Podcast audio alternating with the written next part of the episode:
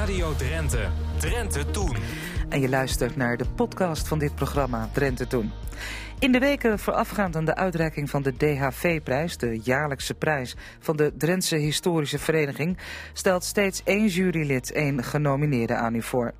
Deze keer is dat Erwin de Leeuw, jurylid die het genomineerde boek Spitten voor de Vijand van Erik Dijkstra onder de loep neemt.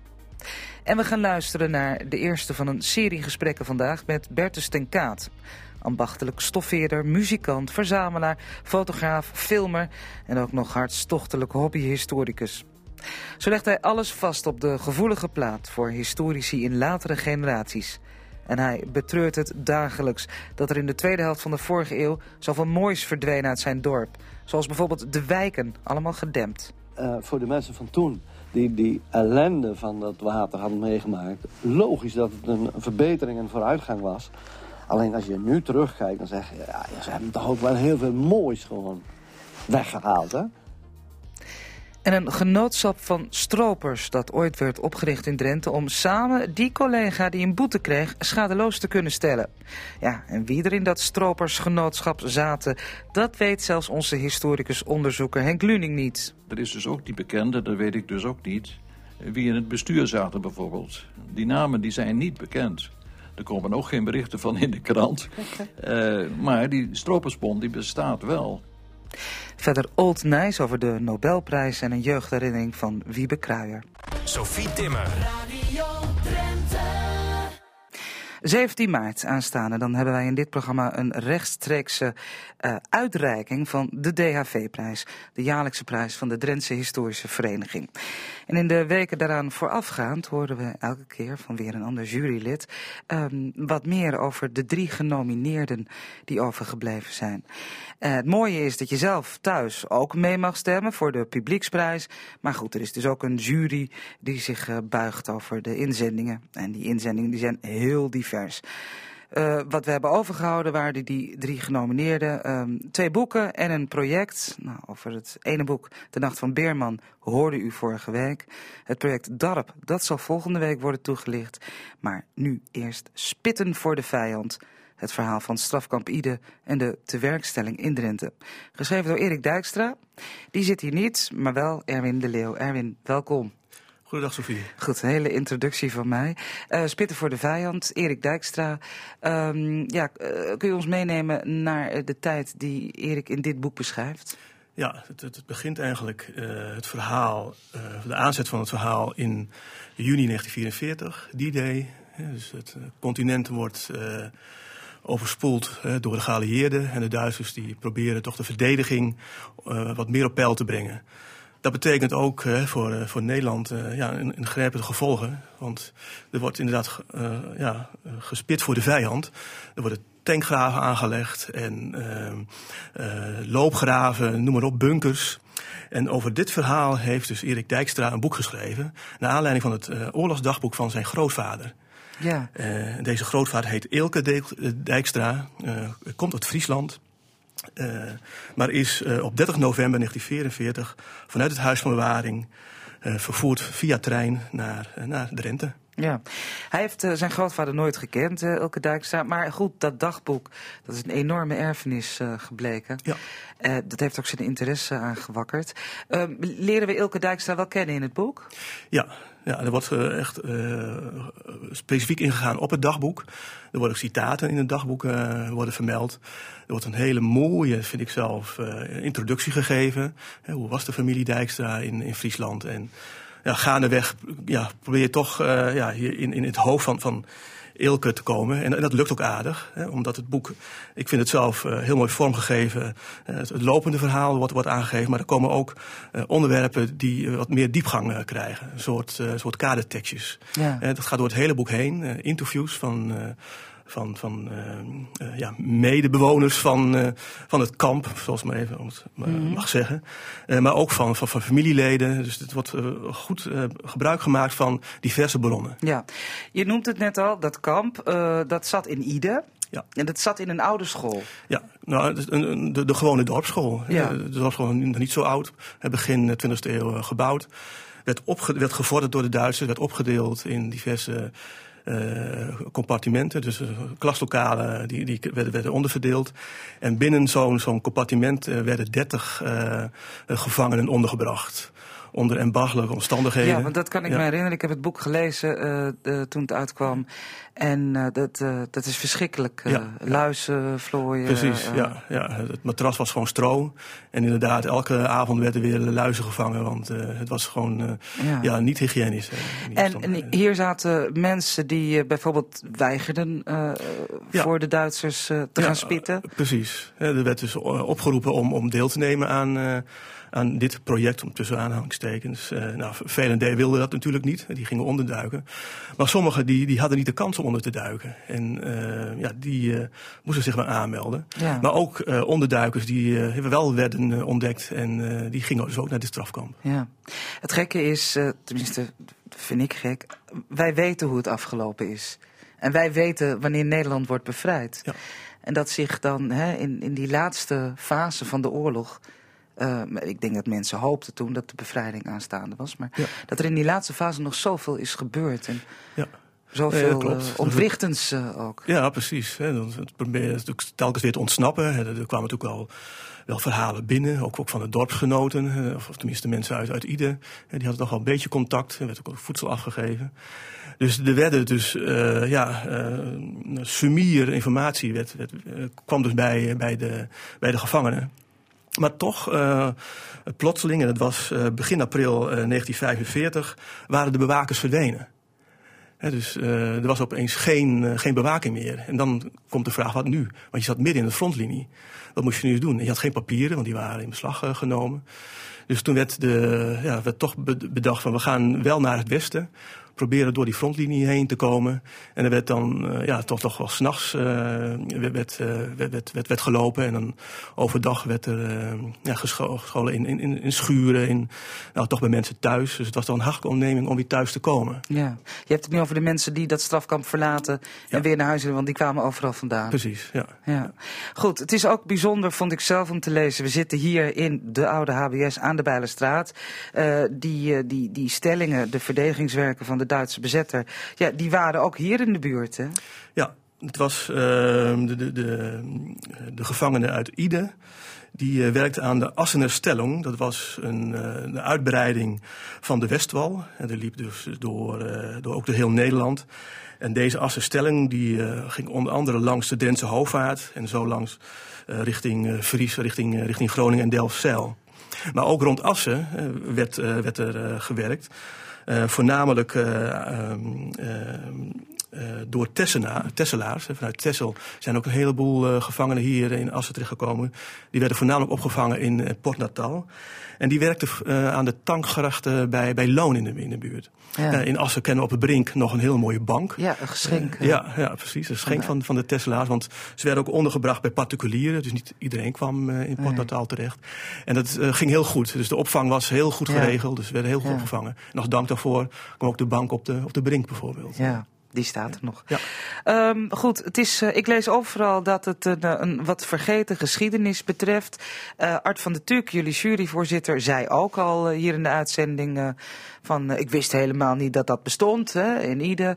Heb jij die indruk ook? Of, ja, of dat klopt. Praat ik nu met een geïnformeerd man die alles al wist? Nee hoor, nee. Ik wist hier ook niet van. Ik wist wel van concentratiekamp in het Emsland. Daar is een boek over geschreven.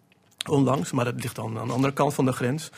En ik wist van het bestaan van 13 werkkampen. Uh, dus onder bij Diever, Vledder, Gijzelte, Orvelte, Norgheiken, Smilde. Maar dat waren van ook werkkampen voor ontginningen en landarbeid. Uh, maar niet specifiek uh, voor, voor het graven van, van teengrachten. Daar heb ik in ieder geval nog niks over gelezen. Nee. En dit is het, het mooie boeken van, van, van, van Erik Dijkstra. Dat hij ook de gehele organisatie eromheen beschrijft. Ja. het, is ook een, het is een mooi naslagwerk geworden. Nou ja, ongetwijfeld ook redenen voor jullie om dit boek te nomineren. Ja, niet alleen het boek. Er is ook een mooie website door Dijkstra in het leven geroepen. Die nog veel meer achtergrondinformatie geeft. Ja, dus, dat klopt, dat is zeker de moeite van het vermelden waard. Spitten voor de vijand.nl, denk ik. Ja. Meen ik, ja. Goed, hoe werkt het, uh, Erwin? Want uh, ik uh, kondigde al aan dat wij allemaal ook kunnen stemmen. Dat kan op de website van de, de initiatiefnemer van de prijs, hè? Ja, van de, de Rens Historische Vereniging. Heb je toegang tot de drie nominaties.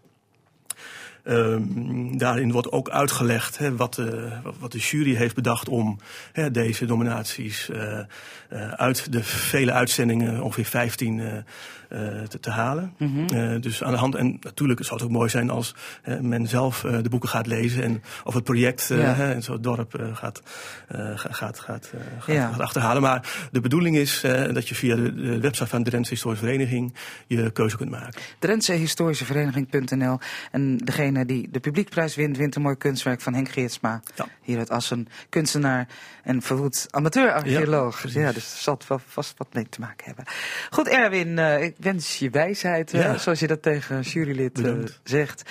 En zoals gezegd, volgende week dan wordt er weer een genomineerde besproken. Dan door Theo Spek hoogleraar. Ja. En het genomineerde project, dat is DARP. Ja, 70 jaar DARP. Ja, dat heeft ook weer met de oorlog te maken. Precies. Alle inzendingen, maar dat is toeval, heb ik begrepen. Erwin, dankjewel.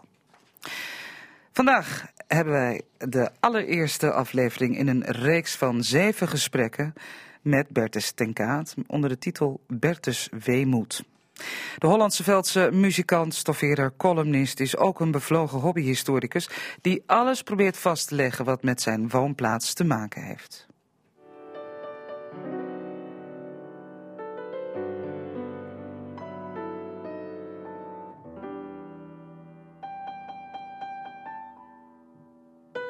Ik heb een uh, kalender gemaakt met allemaal oude foto's die ik digitaal heb ingekleurd. Dus dit zijn oorspronkelijk zwart-wit foto's.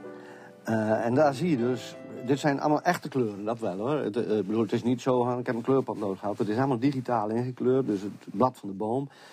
De kleur van dat blad haal ik van een andere foto af en kleur ik hier weer in. Zo zag het Hollandse veld er in nou, rond de jaren 20 uit. Midden in het dorp lag de trambrug. Daarachter stond een molen. En je ziet, het is water. Er staat een oude boerenkar. Nou ja, en dit is dus totaal verdwenen, hè?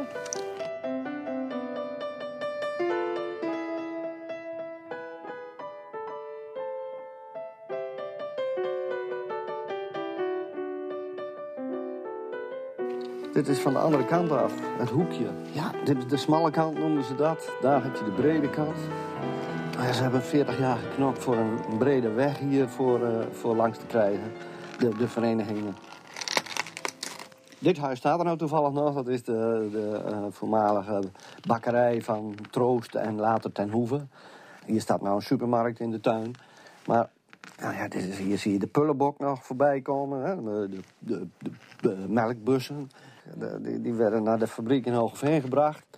Ja, het, uh, en het uitzicht vanaf, vanaf de toren in dit geval. Uh, je kijkt naar het achterland, dat is helemaal volgebouwd uiteraard. Maar ja, dat hou je natuurlijk niet tegen. Dat inkleuren van foto's is net zoiets als schilderen. Hè? Het is heel precies, pixeltje voor pixeltje soms. En dat, dat, is een, dat maakt je hoofd leeg. het komt dichterbij opeens. Hè? Het is zo'n foto als dit. Ja, dit is wel 60 jaar geleden. En dan zie je ook het Zuiderop gaan, het kanaal met zo'n pullenboog. En ik weet gewoon, de, de kleuren van de daken en dergelijke, die kloppen. Dat is, ik heb ook herinnering, ik heb ook wel een, een schoolklas helemaal ingekleurd. Nou ja, dan weet je niet precies welke, welke kleuren ze aan kleren aan hebben. Maar toch, het totaalbeeld is wel uh, zoals het uh, ooit was. En ik, ik breng ze wat dichterbij. En uh, hoe je het ook bent of keert, de bomen waren in 1900 ook al groen. En de lucht was toen ook al blauw. dit is heel veel gewoon weg. Dit is gewoon voetzie. En, en even tussendoor, deze foto heb ik ook op herinnering uh, ingekleurd. En het leuke is nou dat hier zit een heel klein rood bordje. Dat zie je dan op deze niet zo goed. En dat iemand op basis van die ingekleurde foto en dat rode bordje... opeens met een prachtig verhaal komt. De dochter van de vroegere uh, uitbater ja. herinnerde zich dat, dat uh, aan dat bordje hing een vlaggetje... En als dat vlaggetje uithing, dan uh, wist de veearts dat er telefoon voor hem was. Dus de, de, de veearts, de dierenarts, die, die uh, ging dan naar binnen. En die kreeg misschien wel een borrel, maar die wist dat er... ik moet er iemand bellen, want ik moet ergens naartoe.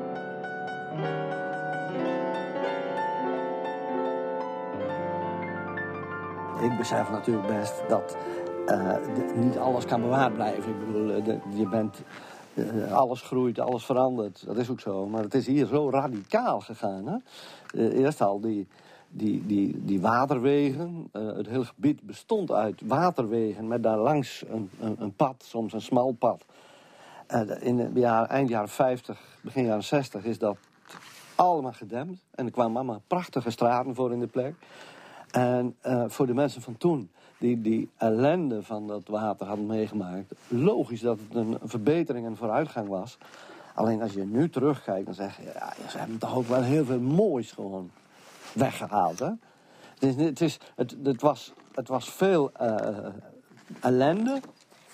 Mensen konden de... de eh, ik zeg vaak, de, de wereld kon Hollandse Veld niet bereiken... en Hollandse Veld kon de wereld niet bereiken.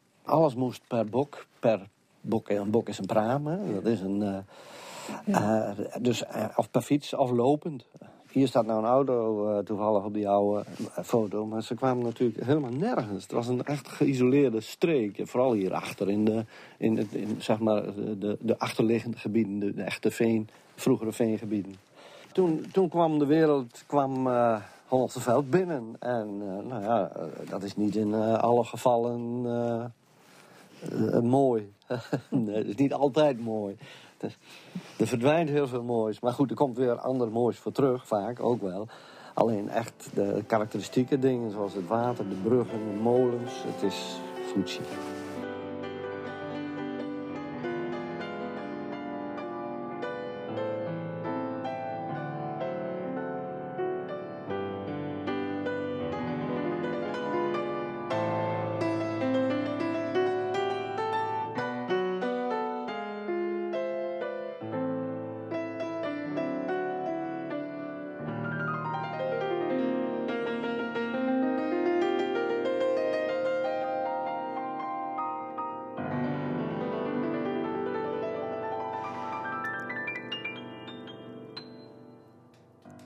We hoorden Bertus ten Kaat uit Hollandse Veld in gesprek met eh, collega Lydia Tuinman. En volgende week gaan ze samen in zijn tuin kijken, waar twee kolossale monumenten uit het dorp heel stilletjes liggen weg te rotten.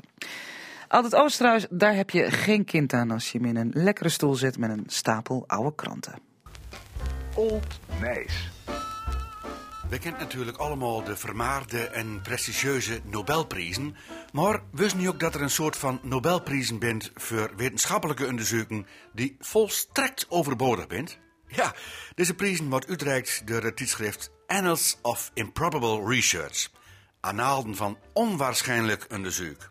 Zo ging de prijs voor geneeskunde afgelopen jaar naar een onderzoek dat onderzocht of men door het maken van ritten in een achtbaan van nierstien afkomen kan.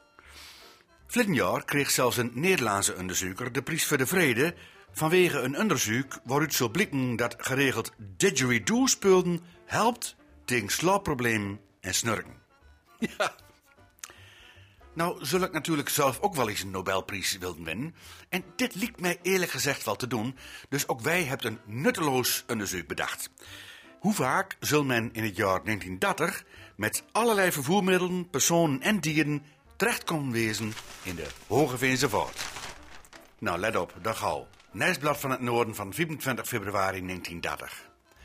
Gistermiddag reed al hier de chauffeur A. Meijers met zijn met stukgoederen geladen vrachtauto aan de Schutstraat bij het keren van een wagen achteruit in de Hoge Veense Vaart, welke daar ter plaatse vrij diep is en waarvan de wallen ten vorige jaren met basalttegels werden opgezet.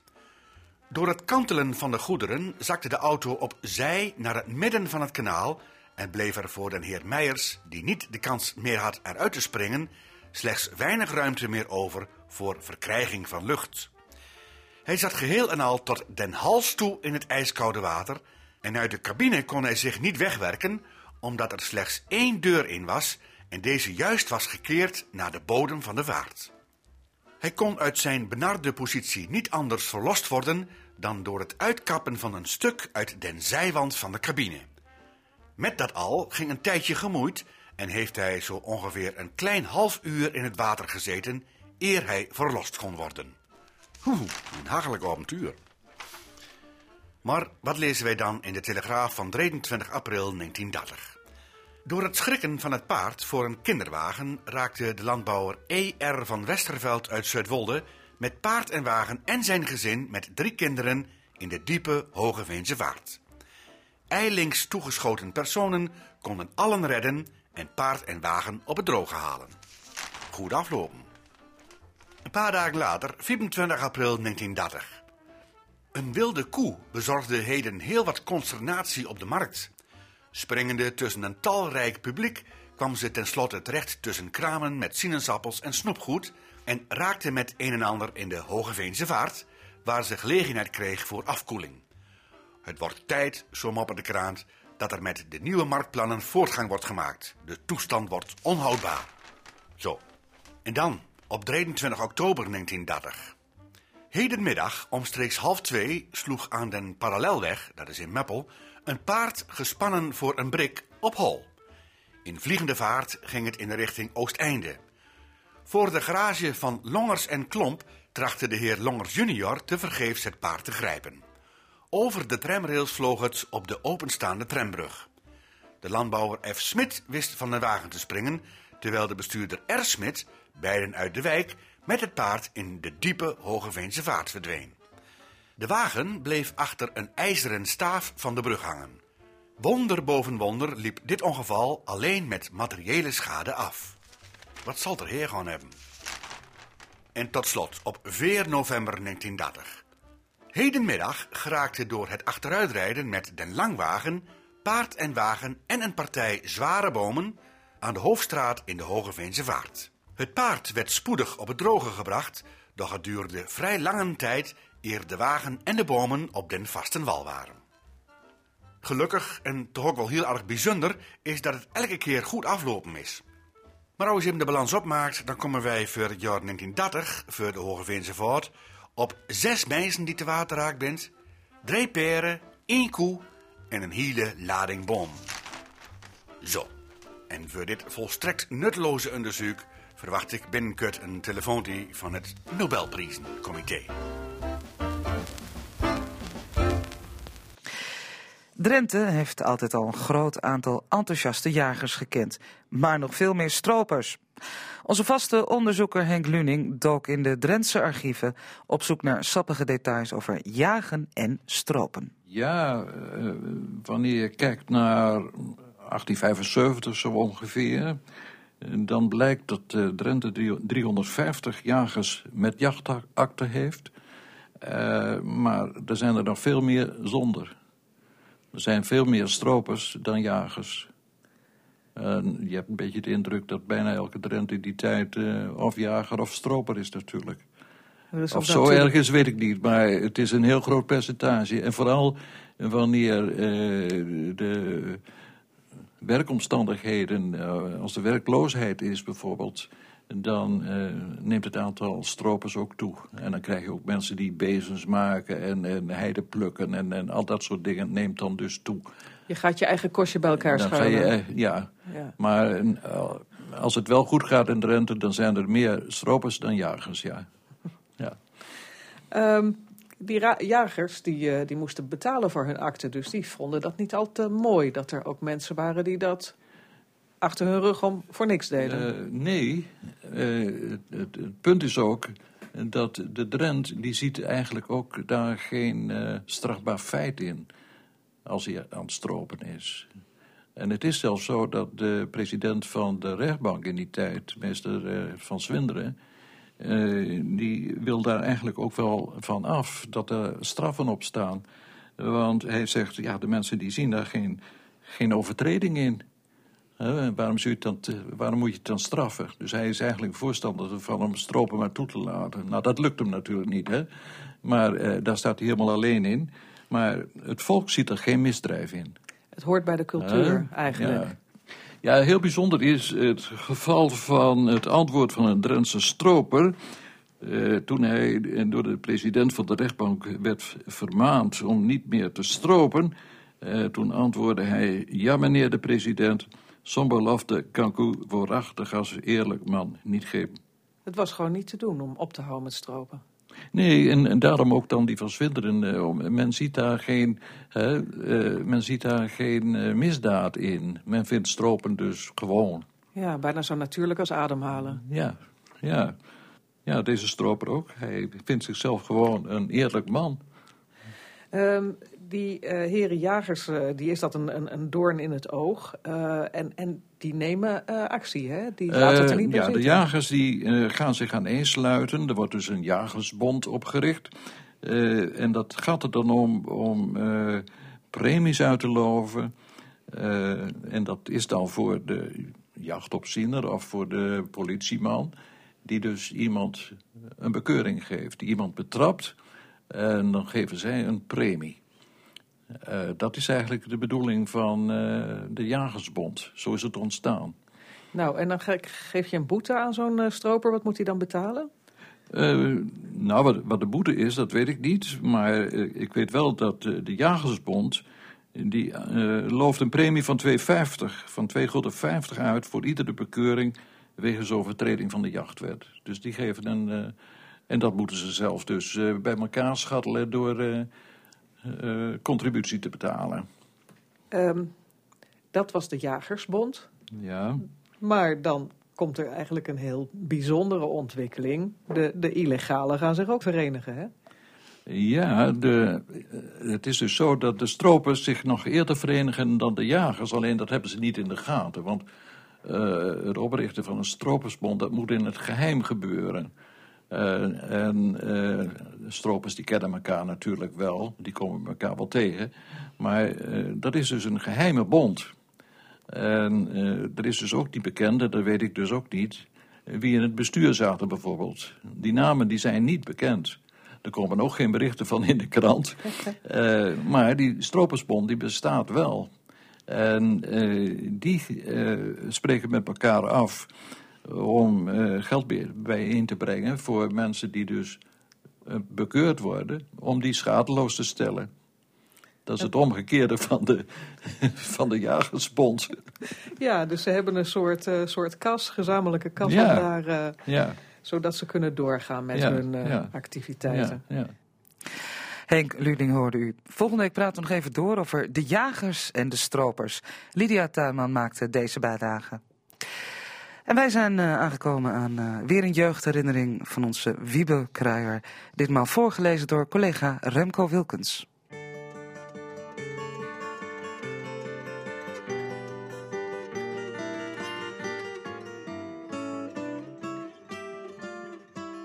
Een onverantwoorde hardnekkigheid. In de achterkamer, waar we gedurende de oorlog woonden, zaten betrekkelijk kleine ramen. Het was er dus wel knus en gezellig, maar de hoeveelheid licht die er binnenviel, liet de wensen over. In een donker hoekje van de kamer hing een portret van koningin Wilhelmina. Wat er ook gebeurt, zei mijn vader, dat portret blijft daar hangen. Zijn wil was wet en dus zo geschiedde. Achteraf gezien vind ik het nog steeds een ontzettend domme opstelling. Want het nut van deze provocatie weegt in de verste verte niet op tegen de risico's die hij, en daarmee wij allemaal, daarmee hebben gelopen. Op een zondagmiddag tegen theetijd regende het pijpenstelen. Een meneer met een regenjas aan klopte aan de achterdeur en vroeg of hij even mocht schuilen. Natuurlijk was dat geen probleem en hij werd in het karrenhuis gelaten. Uit fatsoen bleef Jacob bij hem om te wachten tot het weer droog zou worden en ik bleef daar ook staan. Vanuit de plaats waar hij stond heeft hij het portret van Wilhelmina kunnen zien. Of dat ook echt gebeurd is, weet ik niet, maar hij begon een gesprek over de politieke situatie. Uit dit gesprek viel al snel op te maken dat hij volledig aan de kant van de Duitsers stond. Mijn vader hoorde vanuit de kamer dit gesprek met kennelijk stijgende ergernis aan. Bovendien zat hij een beetje op hete kolen, want hij moest nodig even naar de buurman om samen naar de Engelse zender te luisteren. Hij kwam op een bepaald moment uit de kamer en vroeg geïrriteerd aan de man of hij ook van die partij was. Toen hij dit bevestigde, pakte mijn vader hem bij de arm en zei: Eruit! en zette hem buiten de deur in de stromende regen. Ha ha ha, zei de man en vertrok. Gelukkig hebben we, maar dat mag wel een wonder heten, nooit meer iets van dit voorval gehoord.